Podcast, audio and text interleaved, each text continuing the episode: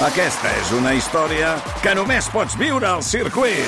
24, 25 i 26 de maig. Gran premi Monster Energy de MotoGP al circuit de Barcelona, Catalunya.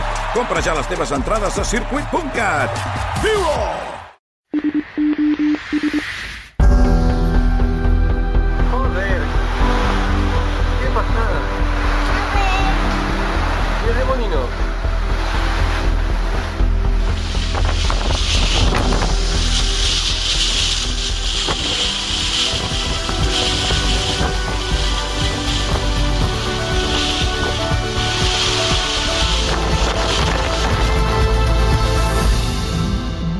RAC més us ofereix Oxigen, amb Mònica Usart.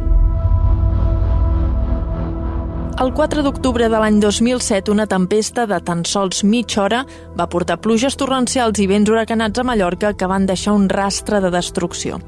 Què va passar? Estava prevista? En aquest episodi ho intentarem resoldre.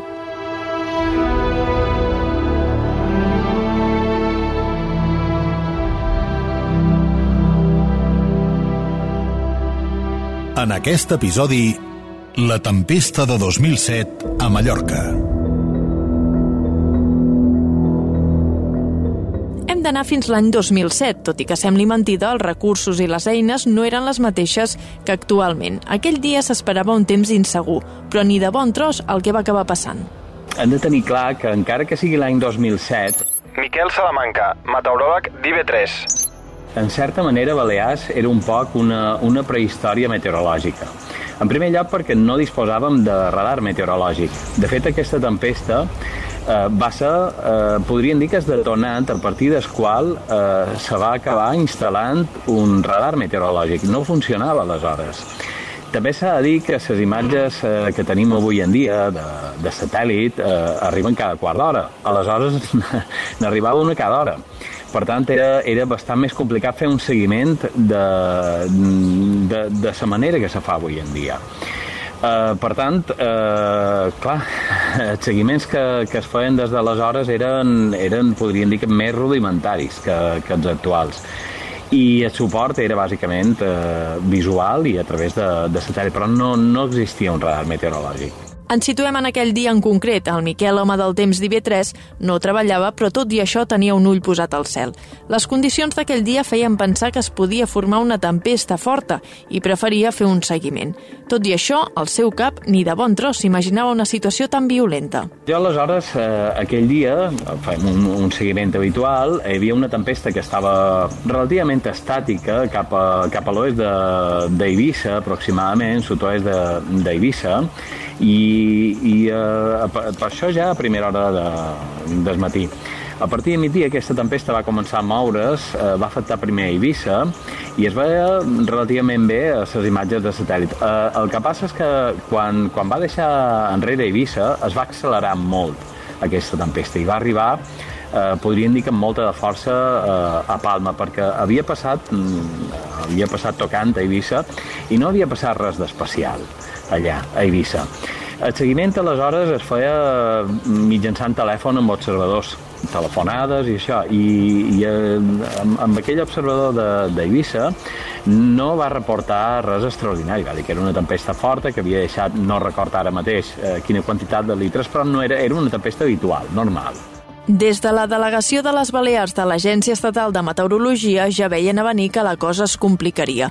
L'Agustí Jansà, exdelegat d'EMET a les Balears, era aquell dia a l'oficina amb molta gent més. Bé, diguem que un poc, un poc abans de que, de que, de que arribàs, quan es veia venir, Agustí Jansà, meteoròleg i exdelegat d'EMET a les Illes Balears.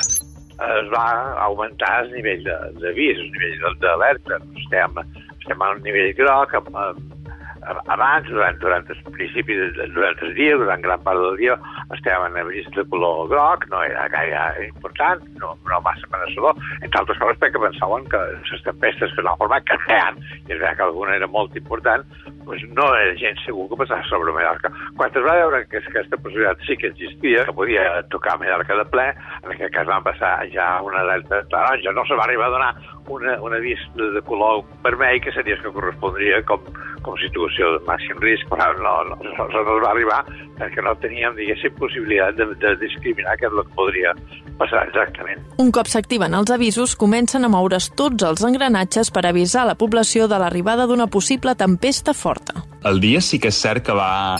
Fran Tugores, veí de Palma. Jo record perfectament que va començar amb el, amb el típic dia que diu plourà, perquè es veus el cel que està de color gris, sí que és cert que not, notes un poc el fred, és, és la típica sensació que dius, vale, avui plourà. I nosaltres tornàvem de, del menjador i, i va, van sortir pel megàfono de, van xerrar pel megàfono de classe i van estar comentant que havien avisat els pares perquè vinguessin a recollir els, els alumnes perquè l'avís de, de la tempesta era una cosa extraordinària. I, i va, va venir el caos un poc perquè, clar, ningú, ningú s'espera això, i més si és la primer, el primer pic que, que escoltes aquestes notícies jo vaig ser un dels no afortunats i els pares pues, en aquell moment pues, no em podien venir a cercar, ni a mi ni a uns germans. I record que en la meva classe, que érem un total de 30, bueno, 30 persones, 28, 29, 30 persones, vam acabar només 4. 4 allà i el, i el tutor. Oxigen.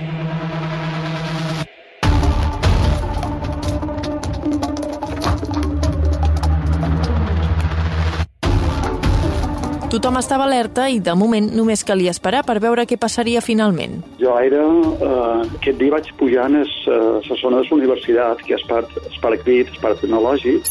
Joan Tur, veí de Palma. I vaig anar per feina i recordo que el meu fill, el menut, tenia 3 anys i eren de la meva dona i eren a, a una piscina que hi ha a la universitat. I el vaig veure nedar un toc i, bueno, me'l van veure allà un moment i els varen davallar davant, és a dir, van començar a baixada cap a Palma, i jo sempre m'han cridat molt l'atenció aquests, aquests fenòmens, no, no, no me n'entenc molt de meteorologia, però sí que m'ha, no sé, m'ha cridat molt l'atenció pues, és, és, és temporals, és tot, tot, el que, tot el que això. I en aquell moment record que me vaig aturar una de les rotondes perquè vaig veure una fosca negra inusual a les, crec que devien ser prop de les 5 de l'hora baixa i em vaig aturar a fer una foto amb una Blackberry que tenia en aquell moment i res, vaig veure jo i dic, mare de Déu, què és això? No, m'ha cridat molta atenció. La tempesta s'acostava i el color del cel no deixava indiferent a ningú. Feia por. Evidentment, allà no, pod no van poder fer classe i veiem per la finestra com literalment el, el cel s'estava pues, tornant raro. Fran Tugores, veí de Palma. Era una cosa que tu notaves un poc ja de, de violència que estava per venir però realment el, el fort va venir un poc més tard quan eh, jo amb uns germans agafàvem el bus per tornar cap a casa i una vegada començàvem a, a anar per un, un, un carrer un poc més ample l'equivalent un poc a Gran Via aquí a Barcelona, tu ja tens més, una visió més gran de lo que és el cel i et puc assegurar que el cel era de color verd. I és un espectacle que mai he tornat a veure perquè el cel realment era molt cridaner el, el, tant el color com la intensitat. Un, uns núvols de, de diferent tamany, diferent intensitat. Els aficionats, observadors i professionals de la meteorologia, com en Miquel Salamanca, no podien fer una altra cosa que esperar amb un cert respecte eh, va agafar molta, molta de potència en el, en el braç de mà que separa Eivissa de Mallorca.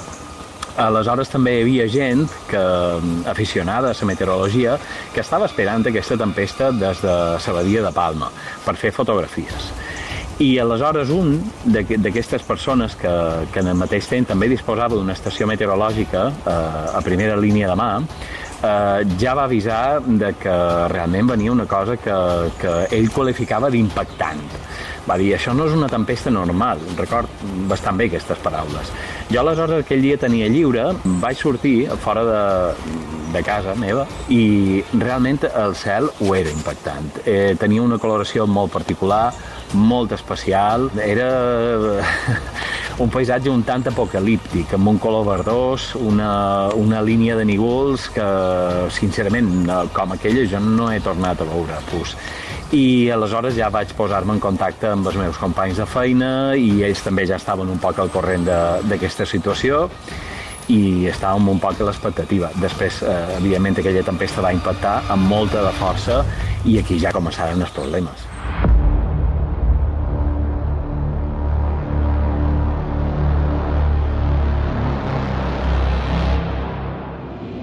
Oxigen.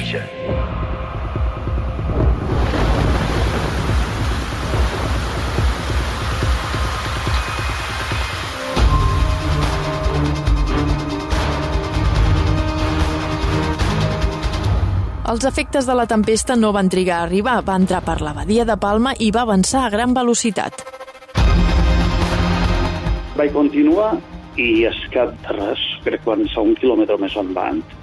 Joan Tur, veí de Palma. Va estar allà, me trobava a l'alçada de Son Espases i, i ella va allà, va allà i record que mm, va començar a fer un vent eh, tremendo, aigua, eh, m'ho vaig amagar davall del salpicadero des, del cotxe i bé, vaig estar allà i no recordo molt bé el temps que va passar, però sé que tots els vidres del cotxe se van rompre, se movia una mala cosa, perquè era un, un Toyota familiar, un, un Corolla, un cotxe pesat, i record com s'engronçava i vaig passar molta por en aquell moment, moltíssima, perquè me queden trossos de vidre per damunt el cap, i, i bueno, i senties els cops de llaunes que venien i de, de trossos de coses que venien per la vista del polígon de baix. Les pluges descarregaven amb força i les ventades de fins a 109 km per hora ho arrossegaven tot metres enllà, impactant contra el que s'interposava pel camí. Jo realment no vaig veure el cel fins que vam arribar en aquest carrer un poc més ample. Fran Tugores, veí de Palma. i justament va coincidir que, que el, el vent que feia va fer que un dels arbres que teníem damunt pues, també va caure. Vull dir, literalment, el, un arbre va caure damunt el bus on érem, també. I, i també va ser un, una sorpresa. Afortunadament no hi va haver cap tipus d'incident perquè la caiguda no va ser des d'una alçada elevada i després pues, l'autobús va poder arrencar i va permetre que l'arbre caigués al terra sense cap tipus de ferit ni cap tipus d'incident per ningú però sí que és cert que record que allò va ser, va ser tot un show, aquell dia va ser un show. I, i record, fixa-t'hi si, si és una cosa que em va xocar molt, que, que record perfectament el dia, en sentit de que jo sé que va ser principis d'octubre del 2007, si no vaig errat el dia 4. Les ventades eren fortes, la pluja descarregava amb ganes, però una de les imatges que va quedar gravada al cap de molts mallorquins va ser la dels caps de fibló i després pues, el que nosaltres deim a les illes, els caps de fibló, que són aquests, aquesta mena de, de tornados que es formen a principi a la mà i poden arribar a entrar dins, dins terra, no? I, i això, pues, a, la, a la part de la Serra Tramuntana sí que és cert que se n'havia vist, però tot el que era la veia de Palma era una sorpresa, i és que no n'hi havia un. Jo crec que vaig arribar a comptar-ne tres o quatre, i això pues, indicava un, unes ratxes de vent que eren molt, molt fortes. Oxigen.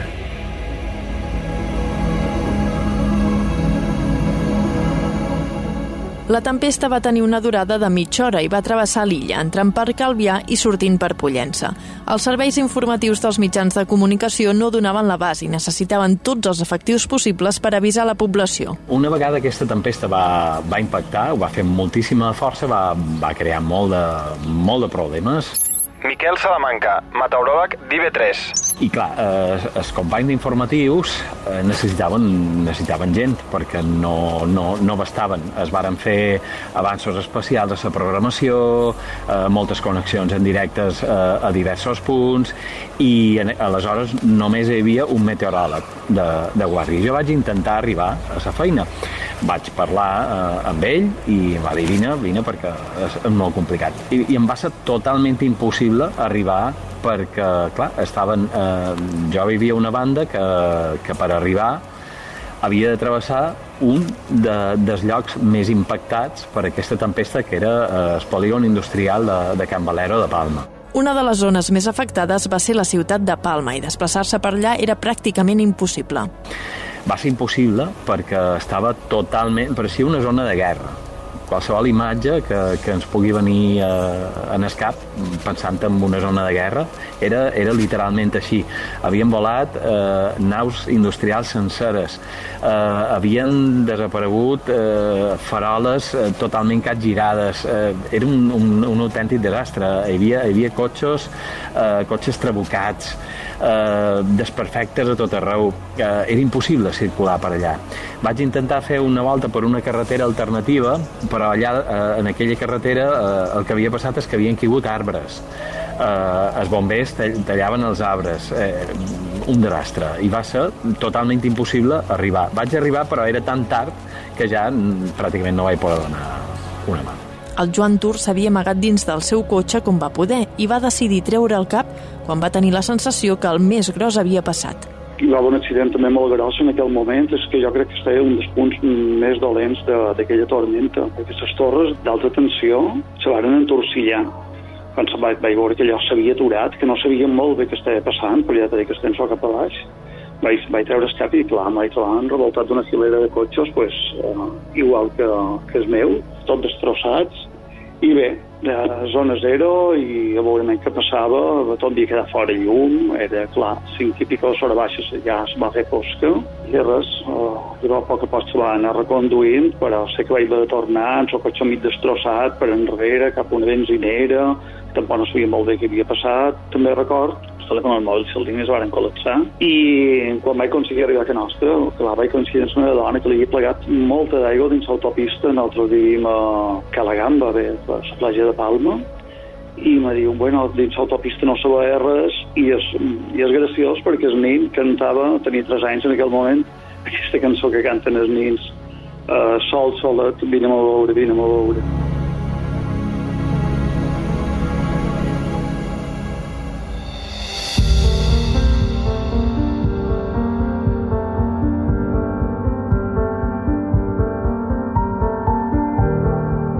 Els danys materials van arribar fins als 43 milions d'euros, però la pitjor notícia va ser la mort d'un vigilant de les obres de l'Hospital de Son Espases.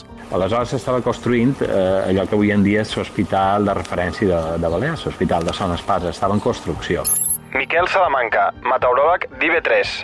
I allà va morir una, una persona arrossegada per, per fibló que se va, que se va formar.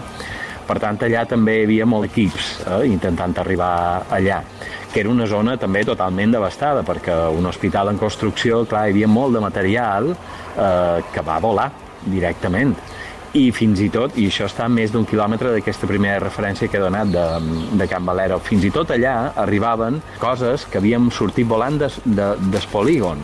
Vull dir que, que hi, va haver, hi va haver plaques de, de, de ser, hi va haver coses d'aquestes que volaren més d'un quilòmetre transportades.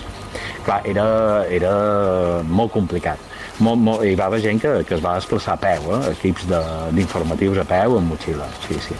Bé, una, una altra manera no, no, no era possible.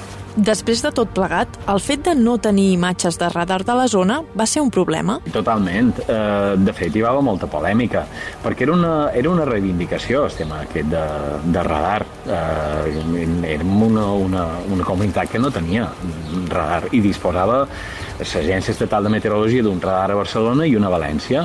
Clar, eh, com a meteoròleg jo puc dir que qualsevol cosa que vengués de l'oest sí que en certa manera estava relativament cobert. Ni, ni els de València arriba, ni els de Barcelona tampoc, però tens una referència eh, més o manco digna d'una línia de front, de sa, de sa seva activitat, etc etc. Ara bé, érem totalment secs a qualsevol cosa que vengués de, de llevant, de, de l'est, del sud-est, del sud i fins i tot del nord eh, era totalment impossible. I aquestes components, precisament, són les més eh, delicades quan, quan en estens de Balears, perquè eh, aquestes línies de front normalment no arriben especialment actives, i si ho fan no, no tenen res de particular.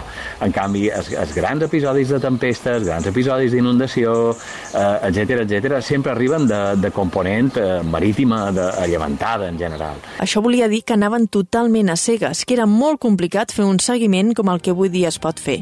I què és exactament el que va provocar aquesta tempesta? És el que en meteorologia es coneix com un sistema convectiu de mesoscala.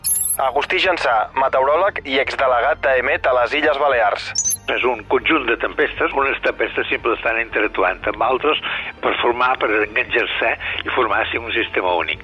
A més, aquests sistemes poden ser de diferents tipus. Les causes de tempesta de, de 4 d'octubre del, del 2007 en, era un sistema convectiu que duia com a característica important la presència d'una línia de turbonada que li diem que actuava com a, com a front d'entrada de la tempesta. Que una línia de turbonada és una línia en la que s'estan produint ratxes de vent que, poden ser molt fortes. En el cas d'aquesta tempesta que va afectar Mallorca, era una línia de, en, en, en vents, tot, al llarg de tota la línia, vents d'entre 100 i 120 km per hora. Això sí, donaria ja, ja de per si donaria molta, moltes conseqüències, perquè són, es tracta de vents molt forts eh, i, i, i una extensió gran, perquè era una línia que en el cas de Mallorca, en el cas d'aquella tempesta, de la tempesta de 2007, era una línia d'uns 30-40 quilòmetres de, de longitud, no? o sigui, no era una, no era una estructura massa, massa petita. I al, al llarg d'aquesta línia, a diferents punts d'aquesta línia, s'estaven realitzant, a més, a més a més, altres coses, com per exemple, cas del film blau, o sigui, tornados. Se'n van identificar dos o tres aproximadament mentre anava passant aquesta línia sobre la ciutat de, de Palma i, i les proximitats de la ciutat de Palma.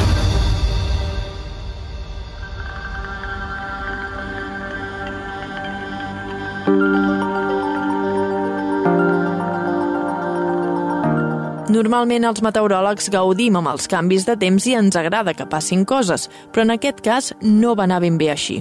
Bé, jo record que, clar, molta atenció perquè, perquè la veritat és que les coses no es veien, no es veien clar el que anava succeint i per tant sempre pensàvem no sabem fins on arribarem, què, què és el que arribarà a passar i, i patíem per els mals que pot produir. Quan estàs davant d'una situació d'aquest tipus, de, de, de, amb potencial, diguéssim, de, de dany, els aficionats en meteorologia normalment solen dir eh, estan disfrutant de l'espectacle. Jo diria que un professional no disfruta gaire de l'espectacle en aquest tipus de casos, sinó que passa pena per lo que pugui, que per lo que pugui succeir. Quan una situació se'ns escapa de les mans i corre en perill béns i vides, gaudir es pot convertir en patir. Arribar a extrems com el del dia 4 d'octubre a Mallorca pot marcar un abans i un després. Aquella va ser una tempesta que realment va impactar molt a dins un poc eh, la mentalitat social. Miquel Salamanca, meteoròleg d'IB3 per dir-ho de qualque manera. Jo crec que va ser com una espècie de, de tot d'atenció que va fer canviar un poc eh, la mentalitat en general. Eh, molta de gent encara recorda aquella tempesta com un episodi especialment impactant. I, i jo crec que en certa manera també eh, no sé si per motius turístics, si per, si per motius socials, però sempre s'ha venut idea de que el clima mediterrani i el, el clima balear en particular és un clima plàcid, pràcticament se ven la idea d'una eterna primavera quan eh, en realitat és una cosa molt diferent. És cert que tenim molt de moments que són plàcids, però quan hi ha un impacte, aquest impacte pot ser realment devastador.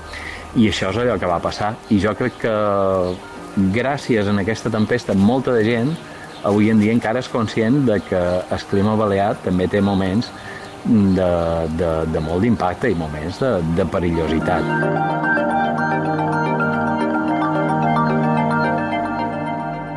RAC més us ha ofert Oxigen, el podcast amb Mònica Usart, amb el disseny de so de Salva Coromina i la veu de Ramon Bartolí.